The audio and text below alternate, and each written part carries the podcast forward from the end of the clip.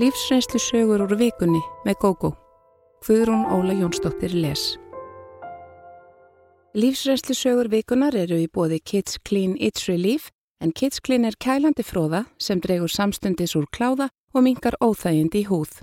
Nálgast má vöruna í öllum helstu apotekum landsins. Fyrir heitnalandið. Ljóst var strax í februar lók 2011 að ég myndi missa vinnuna sem ég hafði haft í eitt ár. Og hálfu ári síðar ákvaðum við hjónin að flytja til Fraklands í leita betra lífi. Eftir langa búsettu á Íslandi hlakkaði maðurinn minn til að koma heim en hann er franskur. Landið hans hafði þó breyst mikið síðan við byggum þar síðast, mun meira en okkur grunaði. Ég var orðin 50 og fátt í bóði því íslenskir atvinnureikandur virðast kjósa að ráða ungt fólk sem skortir bæði reynslu og kunnáttu. Ég reyndi fyrir mér sem bílstjóri, hef mentun og reynslu í þeim geira, en sama viðmúti mætti mér. Þeir vildu frekar óreinda unga karla sem vissulega eiðilegja meira en virka kannski betur út á við.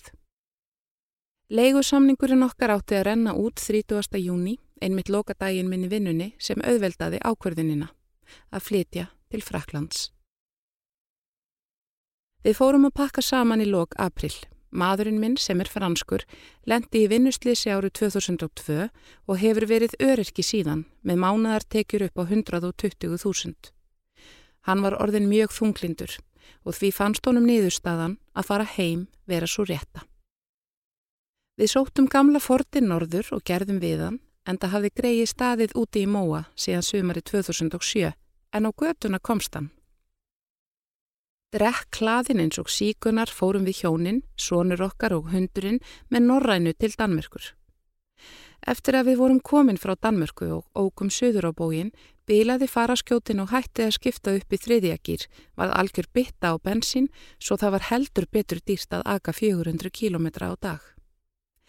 Við tókum upprunalega stefnu á Andorra en þar borgar maður vist flatan skatt upp á 0,6% og þar er engin innflutningsskattur en það er annars saga. Fyrst reyndum við fyrir okkur í héræði sem heitir Ariés í bænum Pamiers. Þar gekk okkur illa að fá hjálp við að skrá okkur í kerfið. Eitthvað mikið hafði breyst að sögn mannsins míns. Þarna var eldri sónur minn komin til okkar og við þurftum fjögur á samt hundinum að búa í bílinum í nokkra daga. Stráksi hafði farið á undan okkur og til Korsíku þar sem máur minn býr, ætlaði að fá vinnu þar en engast líka var að fá, svo hann kom til okkar. Við ákvaðum að leita að ódyru tjálstæði til lengri tíma og fundum það í þorpinu mér upp á. Það var þó meira en tjálstæði, frekar skíli þar sem allir hafði rúm til að sofa í. Þegar ég var búin að koma öllum körlunum mínum í skjól var næsta dagskrá að hjóla fullum krafti í báknið. Þetta var tímafrekt. Það þurfti að panta tíma, svo vantaði hitt og þetta. Loksi lóks eftember mættum við í tíma hjá félagsráðgjafa sem byrjaði á að tilkynna okkur að maðurinn minn væri skráður látin að minnstakosti á þessu sjúkraskráninganúmeri. Og hvað gerir báknið við dauðan einstakling sem situr fyrir framann viðkomandi? Jú, þetta kemur okkur ekki við, snúið ykkur til SS. Það er tryggingastofnun og þar hófst allt aftur nema við þurftum að býða í tíu daga. Í millitíðinni fann ég gamalt SS-númer skráð á mig og við tókum að með til vara. Maðurinn sem við hittum hjælti fram að ég hefði engan rétt sem Íslendingur í Fraklandi þar sem Ísland væri ekki Evrópu. Sem betur fyrr átti ég skjál frá árunni 2004 frá sendiráðin í París vegna sömu heimsku þá og skellti því framann í þennan. Það væri hægt að gráta fögrum tárum yfir fáfræði ofinbæra starfsmanna hérna. En eftir að maðurinn áttaði sig á villusinni, saðist hann ætla að senda beðinu um rannsókn vegna þess að maðurinn minn væri skráður látin. Við heyrðum þó aldrei meira frá þessum starfsmanni. Fyrir hreina hefni kynntumst við hjónum sem bygguði nágrenninu og okkur var vel til vina. Konan er algjör fallbissukúla, fór af stað og fann félagsrákjafa sem sá til þess að við fengjum styrk okkur til lífsviðurværis og þar með vorum við komin inn í kerfið. Í framhaldinu fundum við íbúð í Pamiers sem við fluttum inn í snemma í desember. Reynd var að koma okkur inn í almenna sjúkratryggingakerfið en það tókst ekki fyrir en maðurinn minn lendi inn á sjúkrahúsi. Hann fekk andnauð og var ekið í loftinu á bráðamótöku þar sem honum var haldið í öndunarvél frá Þorlagsmessu og fram til 7. janúar. Á þeim tíma fór ég í tvö viðtöl hjá félagsákjafa sjúkrahúsins og svo kona var fallbissukúla nr. 2. Hún tók allt svo gjörsamlega í gegn þarna hjá SS-kerfinu. Hún heimtaði útskýringar á því hvernig stæði á því að maðurinn sem samkvam þeirra skram væri látin væri samt á sjúkrahúsinu hjá þeim. Ef ég væri ekki þessi svífyrðulega frekja með óvirðingu fyrir öllu sem heitir bákn, þá værim við öll löngu auð. Frakkar öllum mér miklum vonbreiðum. Þeir voru ekki svona fyrir 15 árum. Allt er breytt í dag. Þeir leku sér að því að svíkja okkur og pretta á marganhátt, meðal annars í bílaviðskiptum. Verst eru þó tryggingafélagin en þar skiptir engum máli hvaða yfirlýsingar, vottorð eða staðfestingar koma frá íslenskum tryggingafélagum um til dæmis uppsapnaðan bónus. Það er ekki virt. Heldur látaðir 50 öryrkja með 100% bónus frá Íslandi borga sömu yðgjöld og ungling nýkomin með próf. Það nýjasta sem ég heyrði í dag hjá fyrirtæki sem hjálpar fólki sem hefur fengið neitun hjá hinnum ímsu tryggingafélögum vegna vangreðslna eða punktamissis var að Ísland væri ekki Evrópu og að ekkert tryggingafélag í Fraklandi treyði einstakling með Íslandst aukurskirtinni. Hm. Grátlegt að fólk sem á að hafa mentun er samt svo gjör sneitt upplýsingavitundum annað en nánasta umhverfi. Sauð heimst eins og við köllum það á Íslandi. Ég lendi umferðareftiliti á fortinum og síndi auðvitað aukurskýrtinu mitt þar sem meðal annars kemur fram að ég sé með meira próf. Lauruglumadurinn saði, heyrðu frú, ef þú ætlar að keira í Fraklandi verður þú að fá franst aukurskýrtinu og taka aukupróf til að sanna að þú getur keirt. Þetta er ekki gilt. Ég útskýrði að þar sem Ísland væri í Evrópu og gæfi út alþjóðleg aukurskýrtinu hefði ég kvorki viljan ég sæði nöðsin á því að eigða peningum í nýtt bílpróf og skýrtinu. Ég sagði honum að hann geti googlað þetta ef hann væri vafa. þetta var bráðfyndið. Þetta Evrópusambandskerfi virkar kannski vel á pappirum en bara þar, ekki í reynd. Fólk veit ekkert, upplýsingar vandar og svo verðast stopnarnir vinna hver á móti annari. Það hefur hend okkur þrísvar að skjöl sem við sendum inn hafa horfið. Báknið er orðið ofstórt og flókið til að starfsfólki viti hvað það er að gera. Það þarf ítrekað að skila inn sömu skjölunum og endurtaka sömu beðnir. Mikið er um sjálfsvík hérna. Fólk einfallega gefst upp. Fadir og eða móðir hafa skriðið á njánum til að fá hjálp en eru alltaf senda eftir fleiri pappirum og á meðan svelta börnin. Þetta hefur í ofmörgum tilfellum enda með því að fólki brotna niður, drepur börn sín og sviftir sér síðan lífi. Mér skilst að ástandið hafi hríðversnað eftir að frakkar gengu í Evrópusambandið og ég er ekki vissum að það sé svona féló sem íslendingar vilja. Yngri sónur minn kom stóks í skóla hér í Fraklandi í janúari fyrra og þar var hann látin fara í tíundabekk þótt hann væri búin með hann á Íslandi. Hann vantaði alveg grunnmálið og var einning í vandræðum vegna starfræðinar. Síðan átt að láta hann endur taka sama bekk aftur en þá saði hann stopp Hann vildi fara eitt til Íslands og ná sér í mentun þar. Nú ætlaði ég að berjast með öllum ráðum fyrir því að yngri drengurinn fengi að menta sig. Ég er óhemji frek þegar ég berst fyrir fólki mitt og ég veit ekki um aðra mömmu en mig sem hefur sleft því að borða í nokkra daga til að börn og eiginmaður fái sitt. Ég þekki minn skrokk og veit hvað ég get lagt á hann. Sónur minn fór til Íslands í júni síðastliði sömar og fekk gardirkuvinnu. Þrátt fyrir grasofnami leta hann sig hafa það, tók bara ofnamistöflur, en því miður stóð vinnan aðeins fram í miðjan í júli. Við sendum honum peninga þrátt fyrir eigin blankheit en hann er sparsamur og hóvær svo þetta bjargaðist allt. Hann skráði sig í fjölbrutaskóla, í fæði og heimavist. Hann stefnir hátt og hyggur á langskólanám. Við heldum að önnin í fjölbrutaskólanum hans kostaði 80.000 með öllu en það var kostnaðurinn fyrir tvo mánuði. Okkur tókst að borga restina, alls 120.000 af örörkubótum mannsins míns en ég fór í að leita styrkjum fyrir hann. Ég sótt um hjá einhverju sem heitir Jöfnunasjóður og þurfti drengurinn að breyta um lögheimili til að geta sótt um og skráði sig hjá bróður mínum. Umsóknin var tekin góð og gild og sagt líklegt að hann fengjan nema þar með fjallu niður 24.000 krónur sem Tryggingastofnun borgaði í barnalíferi til föður hans og hefði komið drengnum heldur betur til góða af því að feðgarnir voru ekki lengur með sama lögheimili. Um áramótin kom síðan höfnun frá lín um jöfnunastyrkin. Þessi baróta við heila döið illfikli sem starfa á þeim ríkisbáknum sem ég hef þurft að berjast við gera lífið sannarlega ekki auðveldara. En ég stend alltaf upp aftur, sama hversu þung höggin eru.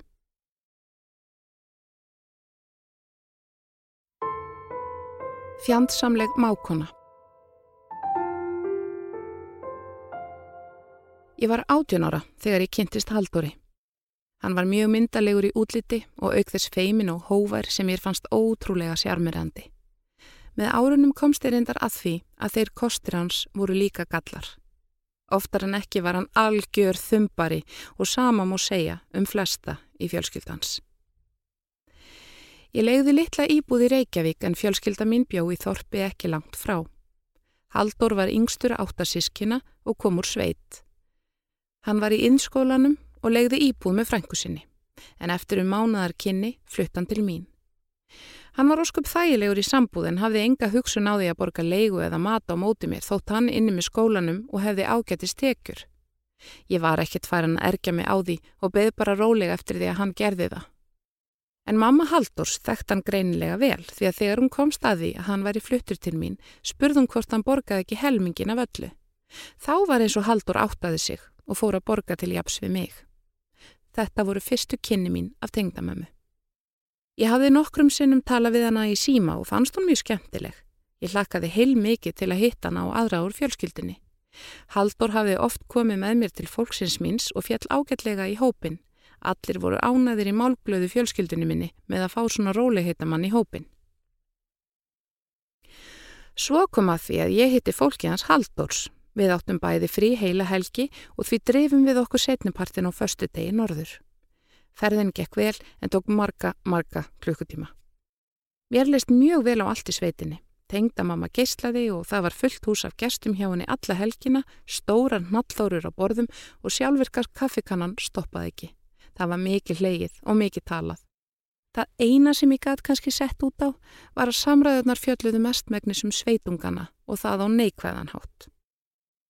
Ég kynntist lítið sískinum Haldurs í þetta skipti þótt við byggju flest í fóreldrahúsum en sum þeirra unnuði í köpstað þarna nálægt og tvö þeirra voru fluttað heiman. Þegar Jóli nálguðust spurði Haldur mig hvort ég vildi ekki koma með sér í sveitina og vera hjá fólkinans yfir hátíðarnar. Ég var til í það en bara um jólinn því við ætluðum að vera yfir áramótin hjá fóreldrum mínum. Síðdeis á Þorláksmessu lögðum við í hann. Þetta var mikil snjóavetur og sex eða sjö tímum setna komumst við á leiðarenda. Við þorðum ekki að aka niður afleikjaranna bænum vegna stóra snjóskabla og lögðum við þjóðvegin og gengum svo þaðan. Allir voru farnir að sofa nema tengnamamma sem var að sengjera eldúsitt Hún saðist vera búin að búa um rúmið okkar og bað okkur endilega að dreifa okkur í háttin. Aðfangadagur rann upp, bjartur og fallegur. Við sváum fram að hátdegi enda ekki ætlast til annars. Nægur var mannskapurinn á heimilinu til að fara í fjósið og fjárhúsin. Tengdamamma var allan daginn að búa til jólamattin og um sjöleitið settust allir, nýbaðaðir og í sparifötunum við borstofuborðið. Svo hófst átveislan mikla. Ég mátti hafa mig alla við að starra ekki á heimilisfólkið. Ég hafði aldrei séð fólk borða jafn mikið. Lítið sem ekkert var spjalla saman yfir borðum því allir einbeittu sér að því að tróða í sig. Eftir um klukkutíma stóð fólkið upp hvert af öðru, lagðist í sófa eða stól og dæsti af veliðan. Ég bauðst til að hjálpa tengdamömmu við uppvaskið og þá heyrðist í annari sýstur Haldors hva getur borgarbarnir seift sig? Allir brostu en tengdamamma komir til varnar. Við hjálpuðumst að við að setja í uppþóttavélina og ganga frá í eldúsinu. Síðan fórum við fram í stofu til hinna sem lágu enn á meldunni. Jólagjafirnar voru opnaðar í róliheitinum. Hver aðili tók sínar gjafir og opnaði þær þegjandi. Mjög ólíkt jólunum heima hjá mér. Fljótlega ríkti þögnin einn í stofunni. Allir voru komnir með sína jólabókina hver og nutu þess að lesa. Ég vissi ekki hvað ég átti af mér að gera. Ég var orðin svo óerug með mig eftir aðtuga samt Siggu, sýstur Haldós. Þegar ég fór að hugsa um það, hafði hún verið frekar fjandsamleg við mig frá því við sáumst fyrst, en ég held hún væri bara svona feimin. Ég herti nokkrum sinnum upp hugan þetta kvöld og reyndi að spjalla við hana, en hún svaraði mig valla og var einn stónaleg og hún þorði. Hún gætti þið samt vel að enginn tæki eftir framkomiðanar við mig. Þessi þegjanda háttur í fólkinu helst öll jólinn og Haldur dætt algjörulega inn í þetta form og yrti valla á mig. Ég þekkt hann ekki fyrir sama mann, hann las, dormaði og var algjör þumbari. Eldri sýstir Haldurs kom í mat á annan í jólu með manni sínum og stálpuðu barni. Ég hafði ekki hitt hann áður og hún var allt öðruvís en sýstir hennar, eða opinn, res og skemmtileg. Ég hef mannin hennar grunaðan um að hafa góð áhrif á hana. Hann var svo einstaklega gladlegur og res. Allir á heimilinu lipnuðu við þegar þau komu en því miður fóruðu fljótlega eftir matin. Ég var ung og óurug með mig og hefði aldrei þórað að reyna að leta andrumslofti með einhverjum hætti. Eflaust fann enginn fyrir þessum þingslum á heimilinu nema ég en þetta hefði verið léttbarara ef Sigga hefði ekki verið svona leiðinlega við mig. Svo kom að langþráðum brottfara degi. Ég get ekki lísti hvað ég hlakkaði til að sleppa úr þessu þvingaða andrumslofti. Við haldur ætluðum að fara skömmu fyrir hádegi en tengda mamma Mark bað okkur að borða hádegismatinn fyrst. Við letum til leiðast en vorum hálf stressuð af því að veðurspáin var ekkert góð. Setnipartin átti nefnilega að skella á blind bylur. Við báðum tengda pappa um að keira okkur upp afleggjaran að bylnum okkar, mínútu ferð eða svo. Þegar við vorum að verða komin að bylnum fór að snjóa og á örskamri stundu var komin blind bylur. Við náðum því aldrei að bylnum og tengdapappi ákvaðast núa við. Þessi einnar mínútu ferðundir venjulegum kringumstæðum tók hátt í klukkutíma í stórhriðinni. Tengdapappi var með höfuðið út um glukkan allalegðina heima bænum en sá þó ekkert út úr augum, hann mjakaði bílnum bara áfram og let eðlis ávísunina ráða. Okkur fannst mikið öryggi fólkið í því að vera þó inni á aflikjaranum á bænum en ekki út á þjóðveginum. Það var einskott að tengdamamma senkaði för okkar því að vinur okkar sem var á ferðinni á þjóðveginum um svipaleiti keriði út af. Gamlóskvöld var hálfu verra en aðfangadagskvöld. Fólki síndi þó aðeins meira lífsmark og sigga ákvað að nú skildi verða spilað. Hún gekk um húsið og saðist langa til að spila vist og sé vantaði fjóruðamann. Tengdamamma spurði Siggu hvort hún væri búin að spyrja mig en þá saði Sigga Nei og við ætlum ekki að gera það. Siggu var alveg sama hvort ég heyrði til hennar eða ekki. Tengdamamma var mjög reyði fyrir þessu svari Siggu og leta henni heyra það. Þetta voru erfiðustu jól og áramót sem ég hef átt og ég hétt sjálfur mér því að leggja svona aldrei á mig framar. Tveimur árum setna eignuðust við haldur fallegan strák. Sigga mákona var líka ófrísk en barsfæðir hennar vildi ekkert með hann hafa eftir að hún sagði honum frá ólittunni. Hún eignaðist þú að sæta stelpu, mánuð á undan mér. En svo stutta var með magakveisu og greiðt stöðugt fréttum við. Eitthvað hafði ég linast í afstöðu minni til þess að halda jólinn hjá tengdafólkinu því Haldóri tókst að plata mig aftur skömmu eftir að sonurinn fættist. Hann var álíka vangbrótinn og ég án fjölskyldunar um jólinn. Þessi jólurðu síðan mun skemmtilegri og það var öruglega litlubörnunum að þakka. Sonur minn var afskaplega vær og öllum fannst mjög gaman að fá okkur í heimsókn. Fólk létt mikið með drengin og ég held stundum að tengdapappi ætlaði að geta barnið. Ég fylgist í laumi með viðbröðum Siggu og sá að hún var enn fjandsamlegi fasi. Ég heyrði hann að kvarta yfir því að sónu minn fengi meiri aðtekli en dóttirinnar, fötinn hans, gungugrindin og vagnin væru flottari og allt í þeim dúr. Engin virtist geta tala Siggu til í sambandi við afstöðu hennar til mín og þó reyndu nú margir. Eitt daginn millir jóla og nýjás greið dóttir Siggu sem aldrei fyrr. Ég stóð nála tvökunni og tók telpuna upp. Ég brósti til Siggu og sagði að ég hefði sjaldan síð sætara barn sem var reyndar alveg rétt, stelpan var gullfalleg. Næstu dagana síndi ég barninu mikla aðtegli og það virtist mikið Siggu. En framkominna lagaðist aðeins en hún gæt þó aldrei stilt sig um að skjóta á mig. Með árunum skánaði samband okkar Siggu en hefur þó aldrei verið gott. Ég skil ekki enn ástæðuna fyrir fjandskapennar. Ég síndi henni aldrei annað en kurtisi, þótt mér langaði stundum til að öskra á hana. Börnin okkar auksu úr grasi og eru unglingar í dag. Þeim kemur mjög illa saman, svona eins og mömmum þeirra, en ég vonaði að lægist með tímanum. Dularfull veikindi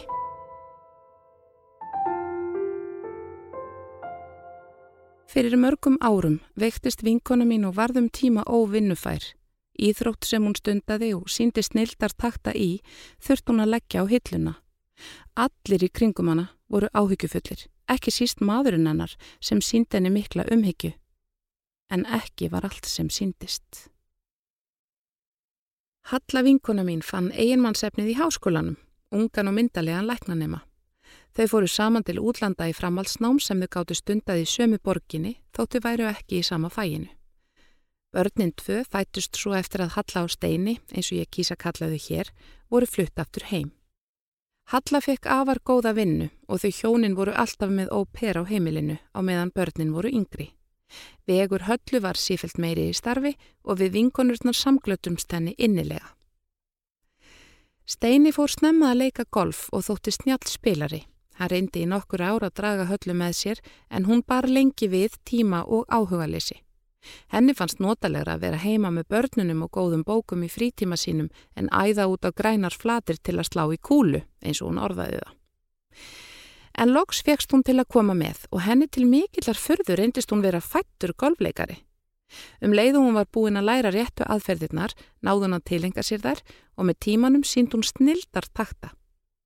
Oftar en einu sinni var orðað við hana að hún ætti að fara út í atvinnumensku. Hún hló bara og hjælt áfram að spila sér til gleði en golfbakterija náði sterkum tökum á henni. Hún sagði að sér liði sjaldan betur en á golfvellinum. Þótt Steini var í góður golfleikari leið ótrúlega skammur tími þar til kona hans var orðin miklu betri. Hann reyndi að samgleðast henni en var stundum fúllifur þessu þótt hann reyndi að leina því. Halla er eina af þessum manneskjum sem gera allt vel sem þar koma nálagt. Það mætti nánast kallana ofurkonu, þóttu hjónin hafi haft óper og setna heimilisjálp. Það kom ekkert endilega mörgum og óvart þegar hún veiktist og var líklega um svo kallaða síþreitu að ræða. Hún var sett á líf sem gerðan að þreita og sljóa en þessi kraftmikla kona vonaði að þau hefðu þau áhrif að hún næði fyrir orku sinni aftur. En veikindin ágerðus bara. Hún gæti ekki komið nálagt golfinu sínu áskjara og svo fór að hún varð óvinnufær. Þetta var gífurlega mikið áfall fyrir þessa döglegu konu sem lifði fyrir bæði starfið og golfið fyrir utan fjölskyldina og henni fannst erfitt að eigða heilu dögunum í ekkert eins og hún orðaði það. Steini var henni einstaklega góður og bara hann á höndum sér þennan tíma. Fólk talaði um hversu góður hann væri við veiku konuna sína. Steini var og er karlremba en frá fyrstu tíð leifði Hallónum ekki að komast upp með það og heimili þeirra ríkti algjört jafnbretti. Það þýtti ekki að hún stjórnaði öllu en hún leifði honum ekki heldur að stjórna.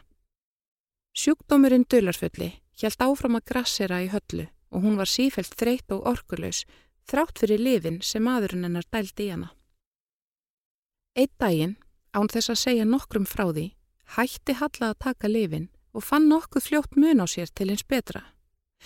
Ég veit ekki hvort hún hafi verið farin að tortrykja mannsinn á sjúkdómsgreiningu hans en hann mátt ekki heyra á það minnst að hún færi til annars læknis. Halla dreif sér nú þó til læknis og baðum rannsókn. Hún sagði frá þreytunni sem hefði ángrað hana í rúmt ár og þeim livjum sem hún hafði tekið árangurslaust við henni. Nú var hún hægt að taka þau og orkan virtist vera að koma aftur. Læknirinn sagðinni einfallega að ekki væri mikið vitað um síþreitu og ef lifin hefði ekki hjálpað henni þá, skild hún bara hætta að taka þau. Ekkert kom út úr blóðrannsókn sem læknirinn senda hana í. Það kom höllu á óvart hvað Steini varð reyður þegar hún sagði hann um frá þessu. Hann sagði hann um vantraust og að hún hefði átt að ráðfæra sig við hann áður en hún hætti að taka lifin. Kanski var hann bara orðin leiður á því hvað ég var miklu betri í golfi en hann, sagði hann hæðnislega Við hlóum báðar en ég sá að Halla var svo litið áhyggjufull á svipin. Það leið hálfur mánuður þar til ég heyrði næst í höllu. Ég hafði reyndar hingið hana án árangurs og var mjög ánæg þegar hún hafði samband. Hún sagðist vilja hitta mig og helst sem allra fyrst. Hún þyrst að tala við mig og vildi ekki gera það í gegnum síman. Ég stakk upp á kaffihúsi og við hittumst á einu notalegu í miðbænum. Halla kom aðeins og eftir mér og ég sá það langa leiðir þegar hún álgaðis hvað hún var orðin frísklegri. Hún var samt döpur á sveip. Við pöntuðum okkur kaffi og svo sagðun mér að hún hugleiti alvarlega að skilja við steina. Henni fannst það þó ekki góð tilhugsun að þurfa að byrja upp á nýtt í lífinu, miðaldra konan. Það fylgduði ímist þægindi að vera í hjónabandi en nú væri svo komið að hún bæri ekkert tröst til steina. Það gæti breyst en hún væri nú fullvisum að hann hefði samfært hana um að hún væri orðin sjúklingur og dælti hana livjum sem gerða hana bara veika. Hún hefði vissulega verið þreytt um tíma en það óvenni mikið álagi vinnunni og henni þótti bara notalegt hvað steini varð umhyggjusamur og áhyggjufullur fyrir hennar hönd. Hún saðist ekki hafa átta sig fyrir en lungu setna á því að þreytan hófst ekki fyrir alvöru fyrir hún fór að taka lifin sem maður hennar ávisaði á hana. Afar sterk lif til að lækna eitthvað sem amaði líkast til ekki aðinni. Halla saðist auðvitað ekki geta sannað neitt þótt henni þætti þetta mjög alvarlegt mál ef rétt væri. Læknismentaður áhyggjufullir eiginmaður er þau alltaf tekinn trúanlegri en hún. Raung sjúkdómsgreining væri heldur ekki sagnæm. En þegar hún var í búin að leggja saman tvo og tvo, kæmu alltaf fjórir út. Það hvaðan blómstræði sem umhyggjusamur eiginmaður gæti ekki lengt gleði sinni með hvað allt væri breytt eins og hann hefði einhvern veginn náð undirtökunum í hjónabandinu og laus við samkeppnina á kolvellinum. Halla sagði að hanna hefði verið farið að gruna sitt af hverju en ekki viljað horfast í augu við það. Það væri svo absúrt að læknir gerði konu sína veika til að njóta sín sjálfur betur. Honum hefði alltaf staðið óskiljanleg ógn af sjálfstæði hennar og meðal annars reynd að draga úr henni kjarki ímsu mikilvægum ákverðunum varðandi starfennar og fleira. Það komir vissulega á óvart að Halla og Steini skildu ekki hafa skilið á þessum tíma og úr þessu efast ég um að þau geri það. Ég veit ekki hvað hann sagði við hana þegar hún barið upp á hann og hvort hún trúð honum en þau eru allavega enngift og allt verðist vera í lukkunar velstandi. Halla kaus eflust að ræða þetta við mig vegna þess að ég skipti mér ekki af engamálum annara og myndi ekki gera nema líflægi við. Ef mig hefði grunað að eitthvað væri bóið við læknismæð fyrir manns hennar, hefði ég þó sagt það við hana. Halla veit líka að ég mun aldrei minnast á þetta við mann hennar eða sameigilega vinn okkar. Samt fekk ég á tilfinninguna að hún hefði séð eftir að hafa talað um þetta, en það ljótur grunur og mögulega ekki réttur. Kanski vonað hún að þetta hefði verið ímyndun í sér eða algjör tilviljun. Það er ekki líkt höllu að horfast ekki augu við hlutina, en hún reyði sjálf hvernig hún vildi takast á við á. Reyndar breytist steini mikið eftir þetta og varði einhvern veginn miklu betri eiginmaður. Allir voru ánaðir með að Halla varð heilbreyð og gatt farið að vinna aftur. Eitt breytist þó algjörlega við veikindin, hún hætti alfarið að spila golf. Ég hef heyrt mannin hennar nánast grátt byggjanum að koma nú með sér, hún hafi svo gott af því en Halla hafði ekki nokkra löngun til að halda áfram að spila, hún treysti sér henni ekki til þess. Líklega er ég eina manneskjan fyrir utan mann hennar sem hafði einhvert grunum hvers vegna. Halla fór að koma með mér í langar gunguferðir og við klifum fjöll og fórum um ímis fyrrnindi og gerum enn. Steini hefur aldrei farið með okkur í slíkar ferðir, honum er einfallega ekki bóðið. Við vinkonurna ræðum sitt af hverju í þessum ferðum okkar þegar við erum tvær einar en í mörg ár hefur það verið þegjandi samkominlag að minnast ekki á þetta skelvilega tímabili veikinda og yllra grunnsemda hjá höllu. Draumaveröld sem hrundi Þegar ég var umlega tvítug kynntist ég indislegu manni sem ég var mjög ástfangin af. Hann endurgalt tilfinningar mínar og mánuði eftir að við byrjuðum að vera saman hófum við sambúð. Ég hafði aldrei upplifað aðræðins ást og fimm árum setna hafði hún ekkert opnað. Einn kvöldstund eðalaði allt sem við höfðum byggt upp saman og kendi mér að fara varlega í að taka öllu sem sjálfsögðum hlut. Við Stefan kynntumst í matarbóði hjá sameigilegri vinkonu. Ég hafði séðan áður og leist vel á hann en við höfðum aldrei talað hvort við annað. Spjöldluðum heilmikið saman þetta kvöld og nokkrum dögum setna ringdan í mig og bauð mér út að borða helgina á eftir. Ég átt alveg von og símtali frá honum vegna þess að vinkonan sem hjælt matarbóðið hafði ringt í mig og sagt mér að hann hefði beðið um símanúmeri mitt. Við byrjuðum að vera saman þetta kvöld og það leiði ekki langur tími þanga til hann flutti inn til mín þar sem ég bjó í kallara ípúð í húsi fóreldra minna. Við fórum út að skemmt okkur um hverja helgi og mér fannst Stefán ekki hafa gott vald á drikkjunni. Hann drakk þanga til hann varð ofur ölfi og ég þurfti að drösla honum heim. Eins og oft gerist í sambundum þá róast fólk og það gerðist hjá okkur eftir um tvö ár. Stefan var farin að tala í alvöru um að hætta alveg að drekka en pappans var mikill alkoholisti og hafði drukki frá sér fjölskylduna þegar Stefan var úlingur. Stefan fór þó ekki meðferð, heldur hætti bara sjálfur. Ég hætti að drekka áfengi nálagtónum til að stiðja nýjisu en það var mér alveg samakvört í drikki bjóru eða kók og ef ég fór ein eitthvað út til dæmis í stelpuparti fekk ég mig samt í glas. Ég vildi bara ekki hafa vínum hönd fyrir framann Stefan. Pappi er heildsali og ég hef unni hjá honum á skrifstofunni síðan í laug stútensprófi. Stefan hafði ekki mikla mentun en var mjög lagtækur við allt sem hann tók sér fyrir hendur. Hann fekk stundum ágætlega borgu verkefni en hafði ekki fastar tekjur, svo það má eiginlega segja að ég hafi verið fyrirvinnan en pappi borgaði mér fín laun. Við höfðum það gott og gáttum flutti litla og sæta leigu íbúð í vesturbænum. Við töluðum mikið um framtíðina og ákvaðum að eignast þrjú börn. Ég er sjálf ein af þremur sískinum og hafði samúð með Stefáni að eiga engin. Hann saðist líka vilja stóra fjölskyldu. Við vorum búin að ákveða nöfnin á börnunum okkar. Við völdum þrjúfalleg strákanöfn og þrjúfalleg stelpunöfn en samt voru við ekki tilbúin alveg strax að fara út í batningnir. Við vildum kaupa íbúð fyrst og koma betur undir okkur fótunum. Pappi kom með góða hugmynda fyrirtæki sem við gætum stopnað og við settum allt í gang við að útvega húsnæði undir fyrirtækið og panta inn þar sem við ætluðum að selja. Aðeins nokkrum vikum áður en við ætluðum að opna fyrirtæki formlega var með bóðið í örlagaríkt stelpuparti. Sigurbjörg vinkona mín bauð okkur nokkrum gömlum og góðum vinkonum í mat og síðan ætluðum við út á lífið. Stefan ákvaði að fara heim til ditta vina síns og horfa á spólur með honum og síðan á bóksum nóttina. Ég hafði ekki hitt stelpunar í nokkra vikur og lakkaði mikið til. Maðurinn enna Sigurbergar fór í vinnustæðaparti og þess vegna ákvaði hann að bjóða bara okkur stelpunum. Ég hafði þekkt Sigurbergu síðan við vorum báðar pínu litlar og við vorum fínar vinkonur. Við borðuðum saman góðan mat og drukkum rauðvin með. Síðan ákvaðum við að fara á Rex sem þá var enn opinn. Við skemmtum okkur mjög vel en Sigurbjörg drakk óveinu mikið og baði mig setna um nóttina að koma afsýðis og tala við sig. Ég var ekki beint í skapi til að fara á trúnu en gerði það samt. Hún fór að segja mig frá erfileikum sem hún og kærastinn hennar ættu í og sagðist vera döð hrættum að hann væri hættur að vera hrifin af henni. Hann myndi öruglega að finna sér aðra konu. Ég reynda róana og segi henni að það gæti ekki verið, þau væri svo sætt saman og hann væri greinilega mjög hrifin af henni. Sigurbjörg mótmælti því og sagði að hún óskaði þess að þau væri jafn gott par og við Stefón.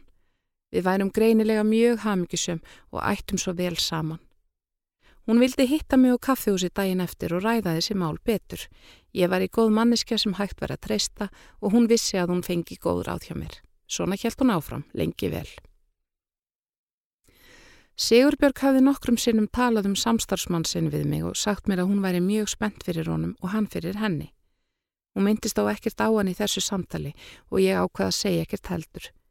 Við ákvaðum að hittast eftir háti í næsta dag og þá ætlaði ég að spyrja hana um þennan mann. Ég fór á undan stelpunum heim og var sopnuð um þrjúleitið. Ég hafði yngar ágjur af Stefáni en það vissi ég að bóksi var oft til morguns í sjónvarpinu. Þegar ég vaknaði á í næsta dag var Stefán ekki komin heim. Þá strax fór ég að hafa áhyggjur, þótti reynd að tellja með trúum að hann hefði öruglega sopnað í sófanum hjá ditta. Það fyrsta sem er datt í hug var að Stefan hefði fengið sér í glas. Ég veit ekki af hverju mér datt það í hug því að hann hafði ekki drukkið í nokkuð tíma. Ég klætti mig, fór út í bíl og keirði heim til ditta. Í sófanum lág Stefan að farast út tempumönnum. Hann hafði greinilega drukkið mjög mikið kvöldið áður því að vínlíktin af honum var mikil og útlitið ekki upp á marga fiska.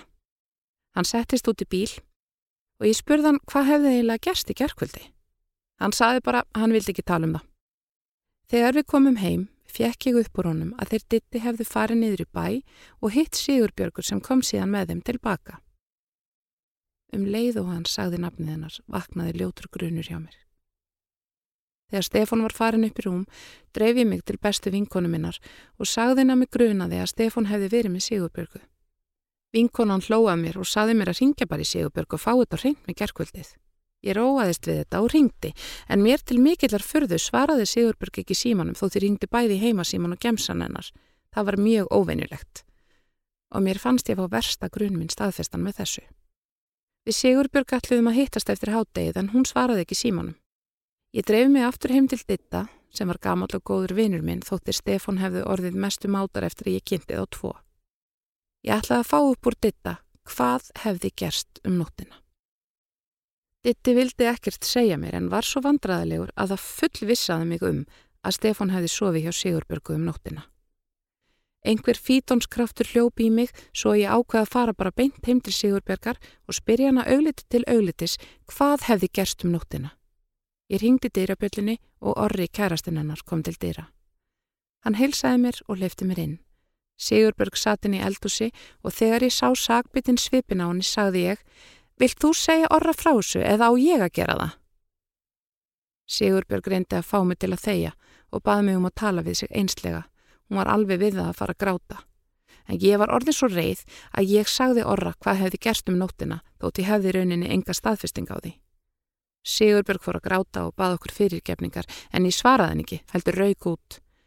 Þegar ég kom heim aftur pakkaði ég niður dótinu mínu og ringdi svo í pappa sem sótti mig á sendiferðabíl og nú er ég komin aftur í kjallara íbúðina þar sem við Stefan hófum búskap. Þegar mér var unnin mestareiðin, tók sorgin við. Ég saknaði Stefáns mikið og átti erfitt með að trúa því að allir framtíðadraumadin með hann mér við hlið myndu ekki rætast. Stefán létt ekkert í sér heyra í heila viku en síðan ringd hann í mig og baði mig um að gefa sér annað tækifæri. Ég sagði honum að allt traust mitt á honum hefði horfið eftir nóttina góðu Framjóhaldi hefði verið slæmt en að það hefði verið með góðri vinkonu minni hefði verið enn verra. Ég ákvaði að hefja nýtt líf og sýstri mín tók sæti Stefáns í fyrirtækinu. Það var gott að geta held sér út í vinnu við fyrirtækið og það eiginlega bjargaði mér á þessum tíma. Símtöl Stefáns urðu strjátli og ég hef korki hýrt í honum niður séðan í ár núna í haust. Ég hef bara hýrt að hann brekki mikið og farið mikið út á lífið. Orri og Sigurbjörg skildu í kjölfar þessa máls en ég get ekki haft samiskupið út á því. Samband þeirra var orði styrt og mér skilst að Orri hafi haft grunum að Sigurbjörg væri húnum ekki trú. Það sem hún hafi sagt mér í gegnum tíðina bendi líka til þess. Eftir á að higgja finnst mér eins og ég hafi lifað í draumaheimi þessi ár með Stefáni. Ég sá ekkert sem gatt varpa skugga á fullkomnu verildina mína. Áfallið hefði orðið minna fyrir mig ef ég hefði ekki tekið öllu þessu góða sem sjálfsögðum hlut. Ég lærði mikið á þessu og þróskaðist rætt. Nú tek ég engu sem gefnu en mér þykir verst við þetta allt saman hvað ég á erfitt með að treysta fólki. Ég hef verið með tveimur strákum síðan þetta gerðist en þau sambönd endst ekki þó þetta veri fíni strákar. Mér langar að fara að treysta kallmennum aftur og vonandi gerist það með tíð og tíma. Þú varst að hlusta á lífsreynslusögur úr vikunni með GóGó í lestri Guðrúnar Óli Jónsdóttur og framleiðslu Storysight árið 2020. Höfundaréttur Vikan.